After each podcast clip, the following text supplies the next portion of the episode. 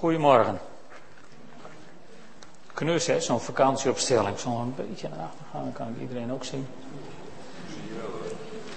Ja, maar ik jullie niet. Oké. Ik wil uh, opnieuw met jullie naar 1 Koningen 17.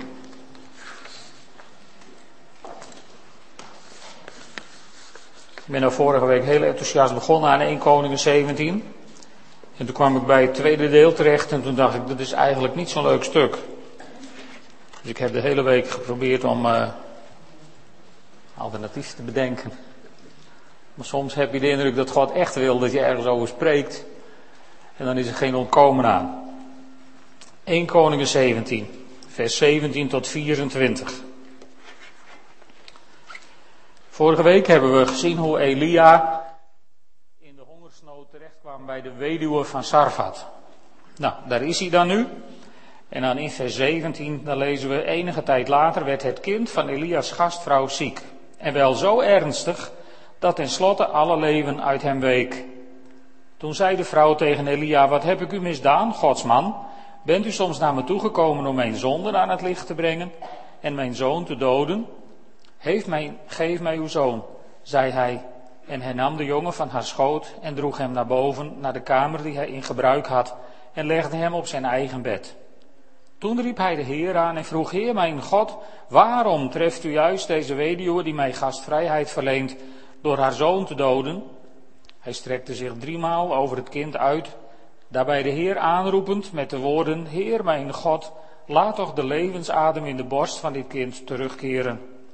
De Heer verhoorde Elia's smeekbeden, de levensadem keerde terug in de borst van het kind en het leefde weer.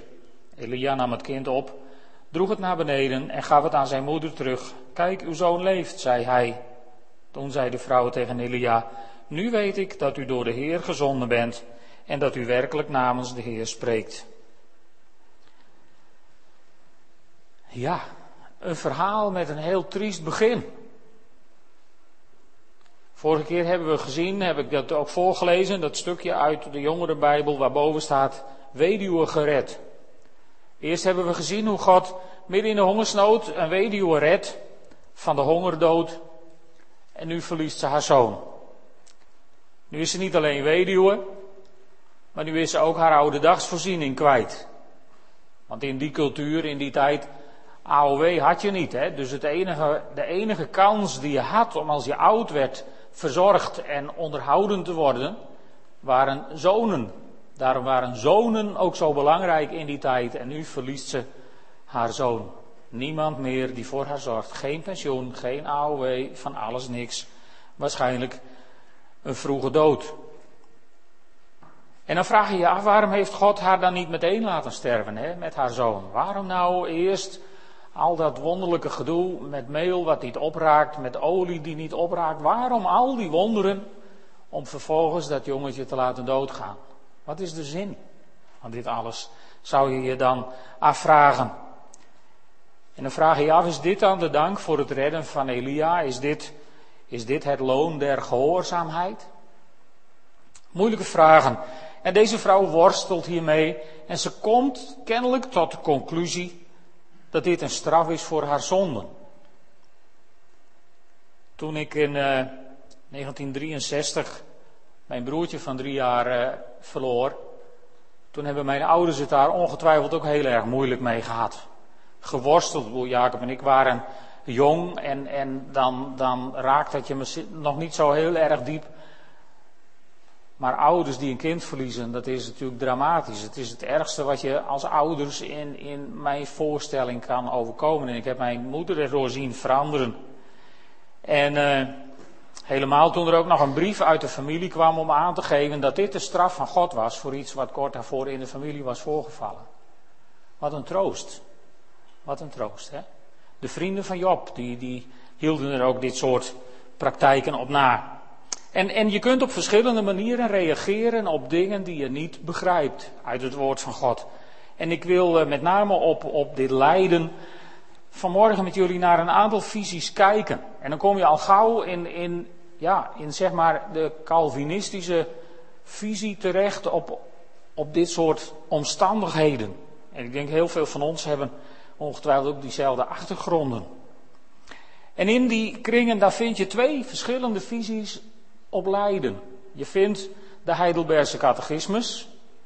Dus jullie hadden dat misschien nooit gedacht, maar vandaag ga ik het hebben over de Heidelbergse catechismus in deze gemeente. En je vindt een artikel in de Nederlandse geloofsbeleidenis. Twee beleidenisgeschriften uit één kerk, je zou zeggen die spreken dezelfde taal, maar niets is meer waar, minder waar. In de Heidelbergse catechismus, daar lezen we in uh, zondag 10, vraag 27. Sommigen hebben hem misschien vroeger uit hun hoofd moeten leren. En sommigen weten misschien precies wat ik nu ga voorlezen.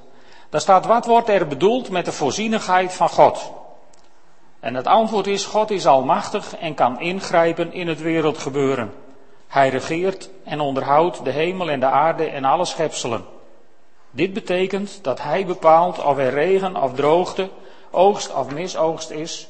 Hij bepaalt of we ziek zijn of gezond, of we welvaart of honger hebben. Alle dingen gebeuren niet bij toeval, maar komen ons toe vanuit Zijn vaderlijke hand. Dit is een stuk waar, waar als deze weduwe dit had gekend, waar ze ongetwijfeld diep mee in de problemen zou zijn gekomen. Nou, eigenlijk niet. Ze kwam diep in de problemen omdat dit namelijk het geloof was, de, de overtuiging, de religieuze overtuiging waar zij ook in zat. Want er moest een oorzaak zijn en die moest bij God liggen. Ik vond in een oud commentaar bij dit uh, Bijbelvers een stukje, dat wil ik jullie voorlezen. Nu al het na al het nu doorgestane lijden, dat met de uiterste de hongerdood in de kaken voerende armoede verbonden was, na alle vreugde die de wonderbare, genadige onderhouding door God tijdens de grootste algemene nood, de dagelijkse omgang met zijn profeet en de van hem verkregen betere kennis van God en de waarheid haar geven moesten, omdat ze aan de vorige nood, die hongersnood dus, niet meer hoefde te denken en gelukkiger dan vroeger leven kon, na dit alles schikte de goede en getrouwe God deze Sidonische weduwe een nieuw, zeer smartelijk, diep neerbuigend lijden toe. Hij wilde het goede werk dat hij in haar begonnen had niet onvoltooid laten. En zo gaat het nog even verder. Eigenlijk heel tragisch. Als je zo in je geloof zit dat alles kennelijk van God moet komen. En uh, in de Nederlandse geloofsbeleidenis, daar staat het iets anders. Daar staat in artikel 13 over de voorzienigheid Gods en de regering over alle dingen. Wij geloven dat de goede God zijn schepsel niet aan zichzelf heeft overgelaten. Hij heeft de schepping niet in de steek gelaten. Dat geloven sommige evolutionisten overigens ook. Hè? Dat God de schepping heeft gemaakt en toen heeft hij alles verder aan het toeval van de evolutie overgelaten. Nou, de Nederlandse geloofsbeleidenis zegt dat dat niet zo is. En dan staat er, hij bestuurt de schepping naar zijn heilige wil, zodat er niets bij toeval gebeurt. God is echter niet de auteur van het kwaad. Hij heeft geen schuld aan het kwaad, want hij regeert ondanks de werken van de duivel en de goddelozen. Ze zijn niet in staat de uitvoering van de plannen van God tegen te houden. Gods heerschappij gaat ons verstand te boven. Wij hoeven dit dan ook niet te willen doorgronden. Dat vond ik een heel troostvol zinnetje. We hoeven het niet te willen doorgronden. We kunnen God gewoon niet narekenen, hè? niet altijd begrijpen. En dat wist Guido de Bres een paar honderd jaar geleden, die wist dat ook al. En dan staat er verder, dit alles roept ons vooral op tot eerbied en ontzag voor de rechtvaardige oordelen van God. Wij zijn slechts discipelen van Jezus Christus, die alleen maar hoeven te leren wat Hij ons aanwijst. Dit alles geeft ons de troost dat niets ons bij toeval kan overkomen. Alles gebeurt met medeweten en volgens het plan van onze Heer en Redder. Onze Hemelse Vader waakt over ons. En dat kun je dan zien in Matthäus 10, vers 29. En waar staat dat er geen mus ter aarde zal vallen zonder dat de Heere God ervan weet. Zonder de wil van de Heere God. En uh, dan vergelijkt de schrijver van dat artikel, die vergelijkt de Heidelbergse catechismus met de Nederlandse geloofsbeleidenis. En die zegt opvallend is het dat de Heidelbergse catechismus de duivel en de goddelozen niet noemt en vrij massief alles, dus ook het kwaad, uit Gods hand ziet komen. Guido de Bres noemt de tegenspelers van God en de gelovigen wel en laat zien dat het probleem van het lijden een toelatingsprobleem is. God laat het lijden toe. Ja, dat tweede is ook niet eenvoudig, maar als je moet geloven dat alles uit Gods hand je wordt aangedaan, wordt het wel heel ingewikkeld. En, en ik wil jullie even meenemen naar bijvoorbeeld zo'n zinnetje, dat God regen of droogte, oogst of misoogst geeft. Dat is bepaald door een tekst uit Jeremia 5, vers 24.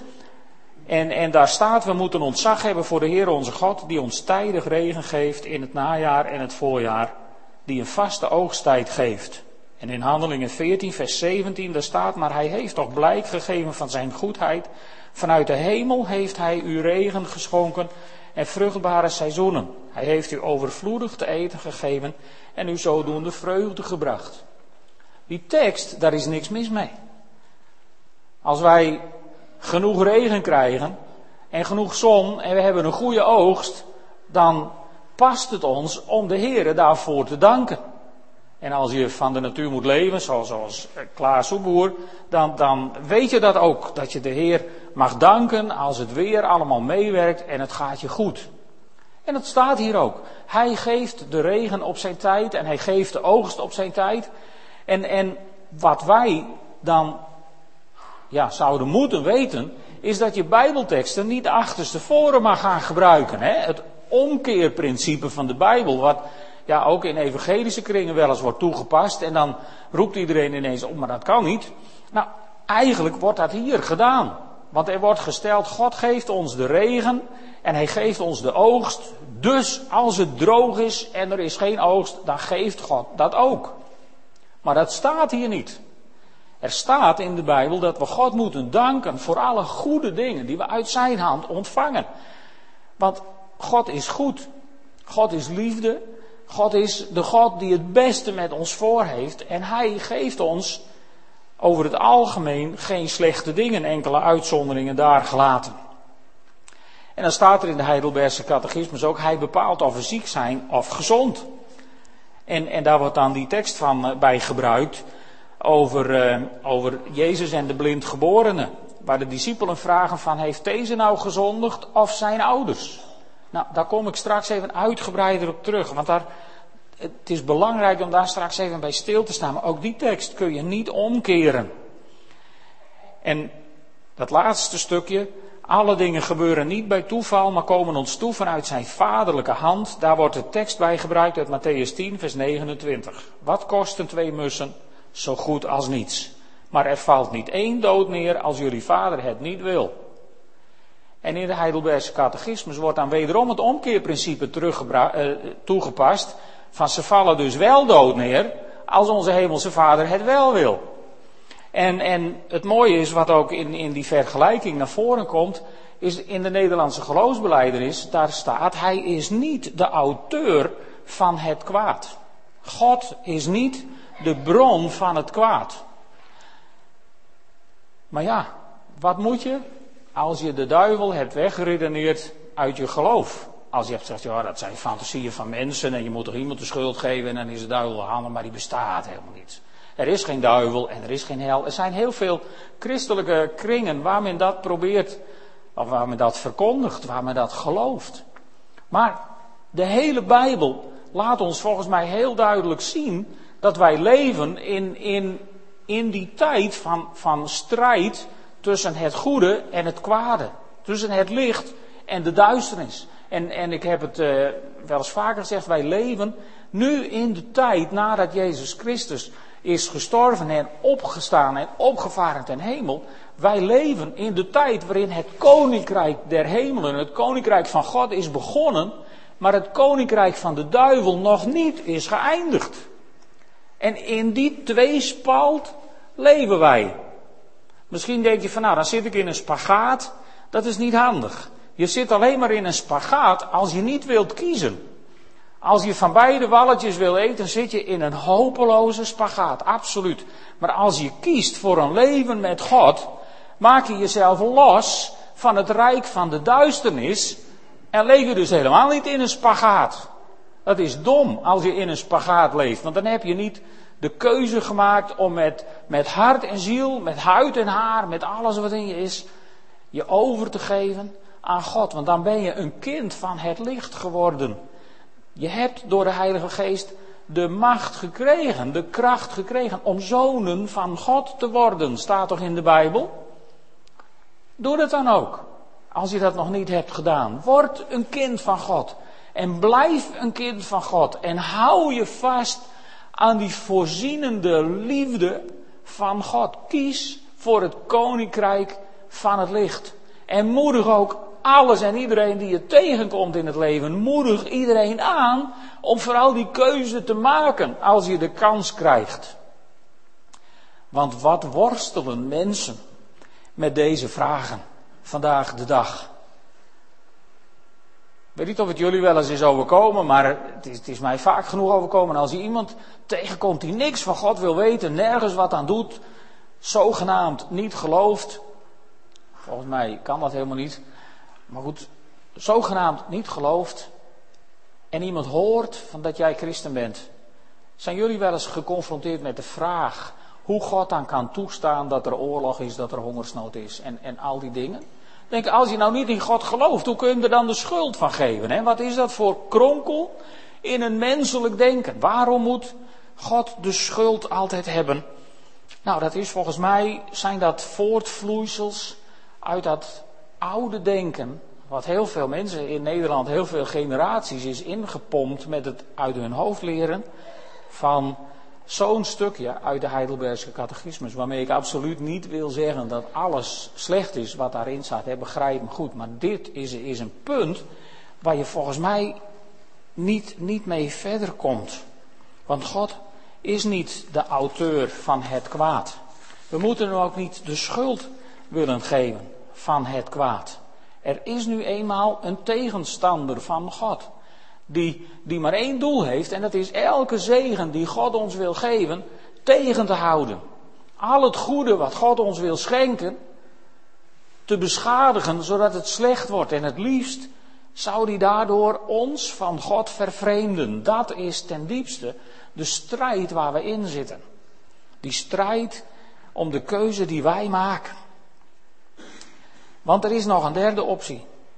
En, en, daar wil ik even met jullie naar kijken. Dat is eigenlijk de optie die de weduwe in ons verhaal ook naar voren brengt.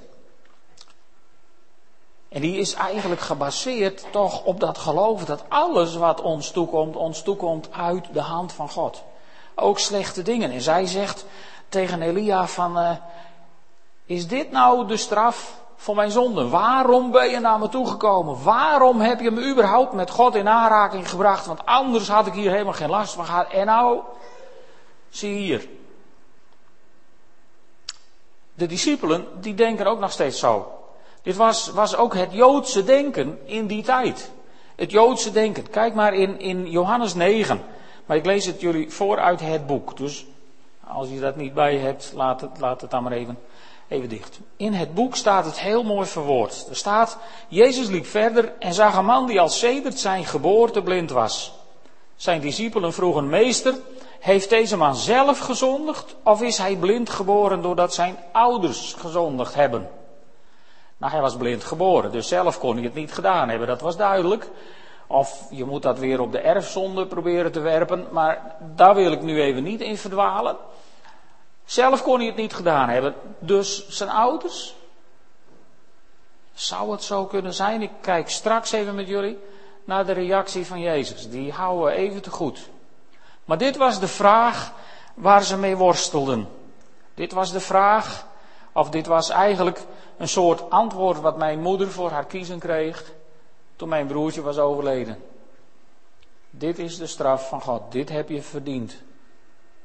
Mooi hè, zo'n troost. De vrienden van Job zaten ook in dit denkpatroon. In Job 4, vers 7, daar zegt het boek, denk eens goed na. Heb je ooit gehoord van een werkelijk oprecht en onschuldig mens die werd gestraft? De ervaring leert dat zij die zonde en moeilijkheden zaaien, die ook oogsten. Ik zal hem nog een keer voorlezen. Moet je even goed luisteren. Even goed luisteren. Denk eens goed na. Ja, denk eens goed na. Heb je ooit gehoord van een werkelijk oprecht en onschuldig mens die werd gestraft? Ik wel. Ik wel. Je hoeft alleen het boekje van Open Doors maar open te slaan en ze staan in rijen voor je neus. In Noord-Korea, in Burma, in Eritrea, in Arabische landen, in Iran, noem ze maar op. Er zijn massa's oprechte, gelovige christenen die als enige overtreding hebben dat ze zich van de islam bekeerd hebben tot het christendom en die worden gestraft. In veel gevallen zelfs met de dood. Dus heb je ooit gehoord van rechtvaardige mensen die worden gestraft? Absoluut. Massa's. Massa's mensen. En dan zijn het niet eens per ongeluk gerechtelijke dwalingen. Dit zijn bewuste keuzes van regimes die mensen straffen omdat ze in Jezus Christus geloven. En die tweede vraag die de vrienden aan Job stellen, die is de ervaring leert dat zij die zonde en moeilijkheden zaaien die ook oogsten. Dat is wel zo. Later. Later, als ze voor de troon van God verschijnen, dan zullen ze oogsten. En, en weet je, als mensen je wat hebben aangedaan, en je kunt op deze manier denken van nou later als ze voor God staan krijgen ze hun trekken wel thuis lekker puh. Dan heb je een ernstig probleem. Dat wil ik je even meegeven. Dan, dan heb je nog een groot probleem met vergeven. Want als je mensen die je wat hebben aangedaan, als je ze hebt vergeven, dan ga je op een gegeven moment ga je, ga je jezelf tegenkomen dat je God bidt van schenk hen, schenk hen genade. Laat ze tot u vinden, zodat ze niet voor de rechterstoel van God straks hoeven te boeten voor hun zonden. Maar wat de vrienden van Job hier zeggen, natuurlijk is dat later waar, maar in het hier en nu. Ik denk als je naar, naar Monaco gaat en de grootste, duurste jachten van de wereld ziet liggen, dat je voor een eh, deel van die mensen kunt aannemen dat dat mensen zijn die veel zonde hebben gedaan en veel moeilijkheden hebben gezaaid. Want anders kun je zo snel in dit, in dit hier onder, op dit aardse gebeuren, anders kun je zo snel niet rijk worden. Uitzonderingen daar gelaten. Hè? Niet meteen denken van oh, die is rijk, die zal wel. Nee, dat zeg ik niet. Maar je ziet veel mensen waarvan je weet dat ze diep in criminaliteit leven. Die rijk zijn en geweldig en prachtig. Het is wel buitenkant, want ze hebben God niet, dus ze missen veel. Maar, maar de buitenkant. Dus wat die vrienden van Job hier zeggen, dat klopt gewoon niet. Als je om je heen kijkt in de wereld, dan zie je dat het niet waar is. De Bijbel beweert ook niet dat het waar is. De Bijbel zet het er alleen maar in als zijnde een uitspraak van een van de vrienden van Job. En als je het boek Job dan even verder goed leest, dan krijgen ze later van God ook niet mis te verstaande antwoorden over deze misvattingen. Dus dit is een misvatting. De Bijbel is er ook duidelijk over dat dat zo is. En eh, in het geval van onze weduwe wordt ze ook niet zelf gestraft, maar haar zoon. Haar zoon, ja. Haar zoon. Soms wordt dit door sommige mensen gerechtvaardigd op grond van Exodus 20. Exodus 20 in vers, eh, vers 4, daar zegt God dat je geen gesneden beelden mag maken. Hè, van iets wat op de aarde, onder de aarde en in de hemel is. Je mag geen gesneden beeld maken. En dan zegt hij in vers 5, daar zegt hij, dan zegt hij, kniel voor zulke beelden niet meer, vereer ze niet, want ik, de Heer, uw God, duld geen andere goden naast mij. Voor de schuld van de ouders laat ik de kinderen boeten, en ook het derde geslacht en het vierde, wanneer zij mij haten. Dit wordt heel vaak gebruikt om, als het, als het iemand slecht gaat, om, om als het ware bijna aan te voeren dat het een straf zou zijn voor zonden van de ouders. Nou, ten eerste moet je even heel goed naar de context van deze tekst kijken. Want de enige keer waarin God zegt, en dan, dan, staat er in de nieuwe Bijbelvertaling dat God de kinderen laat boeten. In de NBG-vertaling staat, ik zal de zonden der vaderen bezoeken aan de kinderen van de derde. En de zonden bezoeken is nog wat anders dan straffen voor de zonde. Hè? En dan moet je goed kijken naar de context van dat zinnetje. Het gaat hier over, over mensen die gesneden beelden maken en zich daarvoor neerbuigen en hen dienen. Dus met andere woorden, als er in je voorgeslacht, als je ouders zich hebben overgegeven aan occulte praktijken. En praat maar eens met, met, met kinderen van ouders die bijvoorbeeld in de vrijmetselarij en zo hebben gezeten. Die kunnen je ervaringsverhalen vertellen. Als je andere goden hebt aanbeden, dus als je dit gebod van God hebt overtreden, dan kunnen de zonden van de vaderen worden bezocht aan de kinderen van het derde en het vierde geslacht als ze mij haten, zegt God. Dus op het moment dat ze ophouden God te haten, als ze hun leven aan God geven, als ze kiezen om van het rijk van de duisternis over te gaan naar het koninkrijk van het licht, wat inmiddels is begonnen, dan is in wezen deze zin al niet meer van toepassing. En heel vaak zie je dan ook dat God mensen bevrijdt van dit soort problematiek. Want God laat dat niet voortduren bij mensen die van God houden en die hun leven aan hebben, hebben gegeven. En wat God hier zegt, is dus dat je als kinderen problemen kunt hebben wegens occulte belastingen vanuit je voorgeslacht. Dat is een consequentie, geen straf. En dat kan ook niet, want in Deuteronomium 24, vers 16, daar zegt God, ouders mogen niet ter dood gebracht worden om wat hun kinderen hebben gedaan en kinderen niet om de misdaden van hun ouders. Alleen omdat iemand zelf misdaan heeft, mag hij ter dood gebracht worden. Dus kinderen mochten helemaal van God niet gestraft worden voor de overtredingen van hun ouders. Kennelijk hebben de discipelen in Johannes 9 dat over het hoofd gezien. Toen ze zeiden, heeft deze gezondigd of zijn ouders? Nou, zijn ouders konden het niet geweest zijn, want God had zelf bepaald dat kinderen niet gestraft mochten worden voor de zonde van hun ouders en omgekeerd. Dus kon God dat ook zelf helemaal niet gedaan hebben. Maar goed, het blijft een worsteling. Lang geleden heb ik hier ook een studie over gemaakt, over, over dat lijden. En toen trof ik een boekje van een Joodse rabbi. Dat boekje heette Als het kwaad goede mensen treft. Wil jullie heel kort even meenemen door het boekje. Die man heeft een zoon met een aangeboren afwijking, waar hij als twaalfjarig jongetje zo ongeveer aan zal sterven. En als Jood heeft hij maar één vast en dat zijn de gedachten uit zijn Joodse wijsheidsliteratuur. God zegent goede mensen en straft de zondaar. En dat is bijbels. Als je weet dat dat op het eeuwigheidsperspectief betrekking heeft, is dat bijbels. Alleen deze Joodse rabbi, die, die ziet het zo niet en die keert die tekst ook om en hij zegt, als het je goed gaat, ben je een goed mens en als het je slecht gaat, ben je een zondaar. Want elk krijgt van God wat hij in dit leven verdient. Hang dit even aan de Heidelbergse catechisme, zondag 10.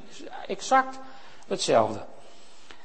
En dit brengt hem onnoemelijk in de problemen. Hij gaat boeken lezen over lijden en hij komt tot de conclusie dat de meeste christelijke theologische boeken proberen God te verdedigen of God te rechtvaardigen, maar geen antwoord geven op de zin van het lijden. En dan gaat hij zelf een boek schrijven en dat heet Als het kwaad goede mensen treft.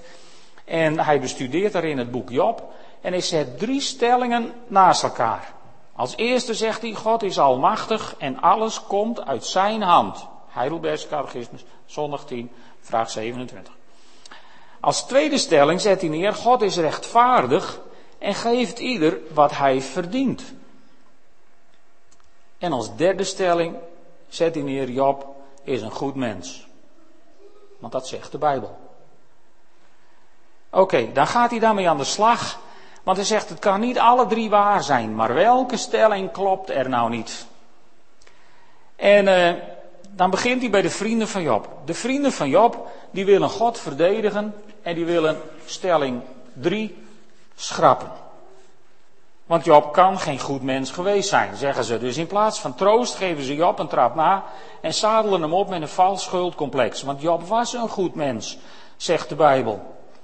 Veel christenen hebben ook de neiging de schuld bij zichzelf te zoeken.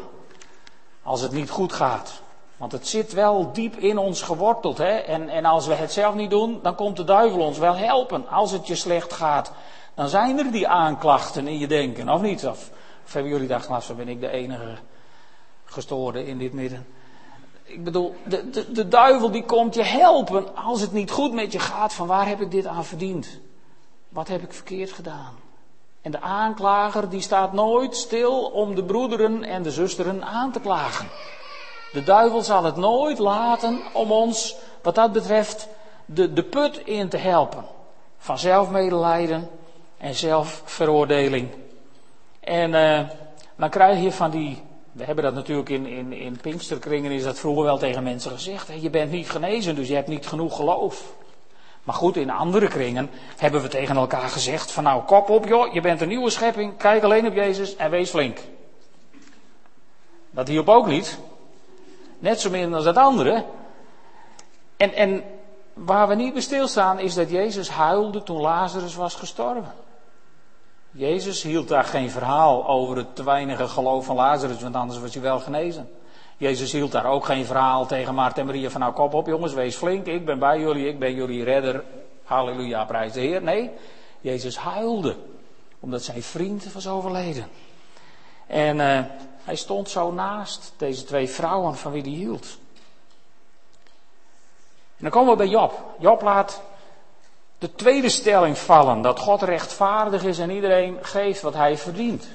Lees het maar eens. Job die gaat als het ware God aanklagen. Want Job is ervan overtuigd dat hij dit niet verdient. En hij redeneert dat God in zijn almacht als een soort oosterse despoot niet verplicht is om rechtvaardig te zijn. God kan met ons doen en laten wat hij wil. En hij doet waar hij maar zin in heeft. Dit is het godsbeeld van de doorsnee moslim. Zo kijken ze naar Allah, de despoot. Ook een moslim heeft nooit de heilszekerheid dat hij gered is en behouden door God. Hè? Het, het beeld wat zij hebben, arme mensen, is dat als je voor de hemelpoort verschijnt, dat het van het, van het humeur van Allah afhangt of je behouden bent of niet.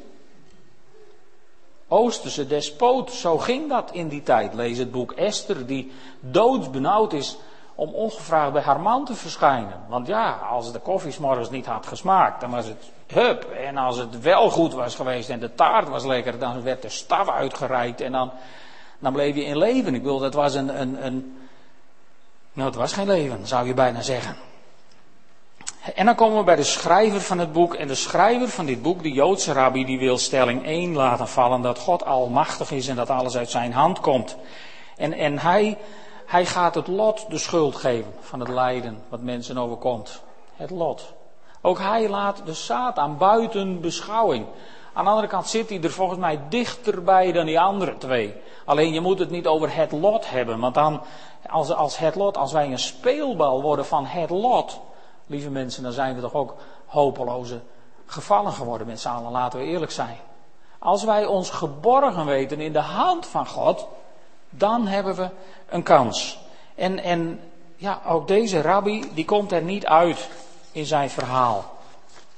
En ik ga ook niet proberen om er helemaal uit te komen. Ik wil tot slot met jullie even kijken naar Jezus en Elia. Hoe reageren zij eigenlijk op dit onbegrijpelijke wat deze weduwe overkwam? En wat die blind geborene was overkomen, laten we daar eens beginnen. Jezus ging niet in discussie met zijn discipelen. Hij gaf hun ook geen eens antwoord. Nou ja, een beetje wel, maar hij ging niet in op hun vraag. In het boek staat het heel mooi omschreven. In vers 3, Johannes 9, daar zegt Jezus: Nee, antwoordde Jezus. Hij heeft geen zonde gedaan. En zijn ouders ook niet. Maar door hem van zijn blindheid te genezen, toont God zijn macht. Jezus zegt ook niet, God heeft een blind geboren laten worden om over tig jaar door hem zijn. Dat zegt hij ook niet. Nee, hij gaat helemaal voorbij aan, aan de bron van de ziekte. Het enige wat Jezus zegt, door hem te genezen, toont God zijn macht. Met andere woorden, en dat is ook, dat ik, nee, daar kom ik straks even op terug. Geen andere woorden. Elia, die ging ook niet in op die aanvallende vraag van de weduwe. Want ze viel hem nogal aan. Waarom ben je hier gekomen? Is dit nou de bedoeling geweest? En, en Elia gaat niet in op die aanvallende vraag van de weduwe. Maar in 1 Koningen 17 vers 19, daar zegt hij, geef mij uw zoon. En hij nam de jongen van haar schoot en droeg hem naar boven. Even tot zover. Dit is, dit is een zinnetje. Als je hierover nadenkt, dan zit hier zo ongelooflijk veel symboliek in dit zinnetje. Als je mensen tegenkomt die lijden Want wat doet Elia? Deze vrouw staat daar, hè, die moeder. Die is haar man al kwijt, dus ze leeft in, in bittere armoede. En nu is ook haar oude dagsvoorziening kwijt. En het nageslacht is, is eh, finito. Het is, het is allemaal hopeloos, reddeloos, radeloos. En dan staat die vrouw met dat dode kind. En Elia zegt: Geef mij uw zoon. En, en weet, je, weet je wat, er eigenlijk, wat, wat je hier eigenlijk ziet, is het voorbeeld wat, wat wij zouden moeten volgen als we iemand tegenkomen die voor je staat met de brokstukken van zijn leven, met, met de wanhoop in de ogen, helemaal verslagen en het niet meer wetend. Want wat zegt Elia hier eigenlijk? Zegt, mag ik delen in jouw lijden? Mag ik heel dicht bij je komen? Geef mij je zoon. Medelijden heet dat in de goede zin van het woord. Elia is bereid om te delen in haar lijden. En hij, hij draagt, als het ware, haar probleem, haar lijden. Hij gaat het dragen. Hij komt heel dicht bij haar. En zegt: Geef mij uw zoon. En wat doet hij dan met die zoon? Hij begraaft hem niet, maar hij draagt hem naar boven. Draag jullie wel eens mensen naar boven die het niet meer weten? Die helemaal aan het eind van hun Latijn zijn gekomen. Want weet je, dat is de weg die wij hebben als kinderen van de Allerhoogste God. Dat is de weg die wij hebben als we iemand ontmoeten die werkelijk helemaal aan het eind van zijn Latijn is gekomen. Mogen we zeggen, goh joh, mag ik met je meedragen? En ik zal voor je bidden. Ik draag jouw probleem naar boven. Ik draag het voor je naar boven. En als je het naar boven draagt, dan zul je merken dat God iets doet met deze dingen. Wat wij naar boven dragen, wat wij voor de troon van God brengen, daar gaat God wat mee doen. Laten we nog even naar Elia kijken. Hij brengt de jongen naar boven, naar zijn kamer. En hij begint ook met waarom. Hè? Waarom? Waarom? En uh, hij lijkt ook God de schuld te geven van het doden van de jongen. Want in de nieuwe Bijbelvertaling, daar lezen we in vers 19.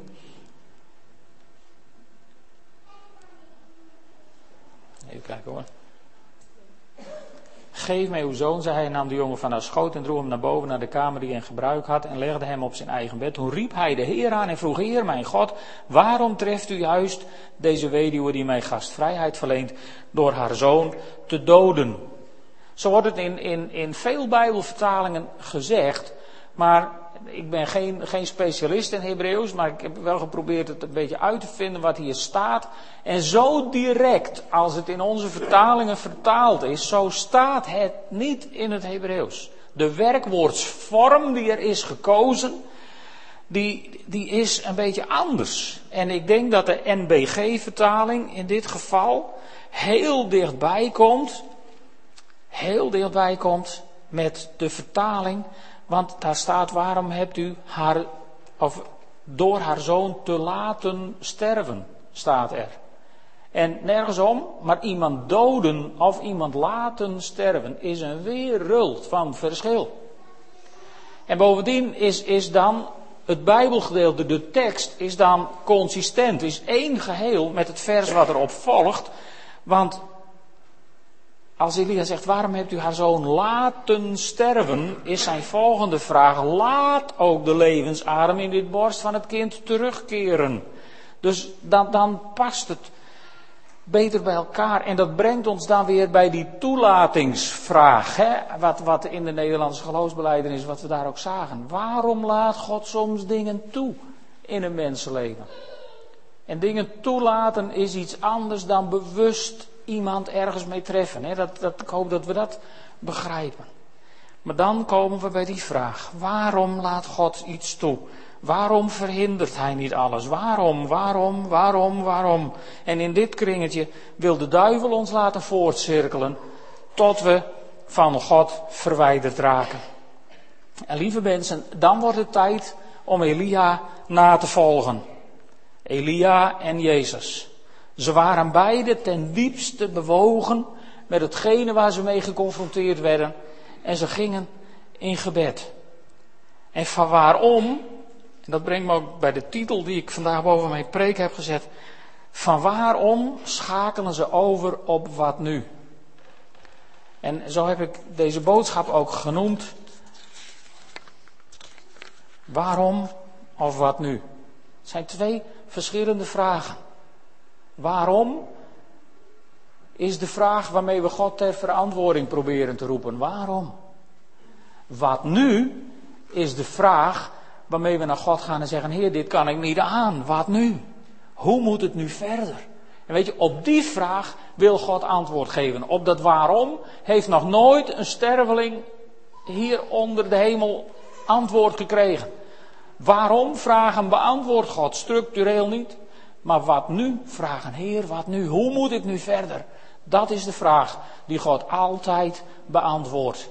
Dat is de vraag waar God altijd op reageert. En zo geneest Jezus de blindgeborene en mag Elia het kanaal zijn waardoor God de dode jongen opwekt. En als wij zo kanalen van Gods liefde willen zijn, kan Hij zijn glorie door ons heen zichtbaar maken. En dat levert altijd een bovennatuurlijke reactie op van God. De ene keer geneest God, de andere keer geeft Hij kracht waar iedereen zich over verbijstert. Maar niemand kan ooit beweren dat God niets deed en er niet bij was. Tot die conclusie kwam David al toen hij Psalm 18 schreef. Want in Psalm 18, vers 31 tot 35, er staat: Wie anders is God dan de Heere? Wie anders een rots dan onze God? De God die mij met kracht omgort, leidt mij op een volmaakte weg. Hij geeft mij voeten snel als hinden. Hij doet mij op de toppen van de bergen staan. Oefent mijn handen voor de strijd, mijn armen spannen de bronzen boog. U was het schild dat mij redde. Uw rechterhand ondersteunde mij. Uw woord maakte mij sterk. Weet je, misschien heb je op het weekbericht dat plaatje gezien van die man die over dat kruis, over dat ravijn loopt. Jezus dicht niet alle ravijnen die op onze weg komen. Maar Jezus heeft aan het kruis op Golgotha voorzien in een overbrugging van elke kloof die je tegenkomt in je leven. En als je over, over zo'n balkje, over zo'n diepte moet, dan is er één principe. Waar je kijkt, daar ga je heen. Als je over zo'n smal balkje, over zo'n diepte, je hoeft alleen maar, je kunt het redelijk gevaarloos uitproberen. Hè? Leg eens een plankje bij Klaas ergens over een sloot. En probeer over dat plankje te lopen, al kijkend in de sloot. Gegarandeerd eindig je in de sloot. Maar focus je op de plank waar je over moet, kom je aan de overkant. En zo is het ook met dat plaatje. Focus je je op het kruis van Jezus. Dan kom je aan de overkant. Er kan geen ravijn zo diep zijn dat je er niet overheen komt. En daarmee hoop ik jullie te bemoedigen vandaag met dit wat ingewikkelde verhaal. En ik wil afsluiten met een aantal versen uit Habakkuk 3. Habakkuk 3, heel bekend stukje, vers 17. Al zal de vijgenboom niet bloeien, al zal de wijnstok niets voortbrengen, al zal de oogst van de olijfboom tegenvallen, al zal er geen koren op de akker staan, al zal er geen schaap meer in de kooien zijn en geen rund meer binnen de omheining, toch zal ik juichen voor de Heere, jubelen voor de God die mij redt. God de Heere is mijn kracht. Hij maakt mijn voeten snel als hinden. Hij laat mij over mijn bergen gaan. Psalm 18 was dat weer bij Habakkuk. Weet je, wat er ook gebeurt, God wil je voeten geven als de hinden en hij wil je op de toppen van de bergen doen staan.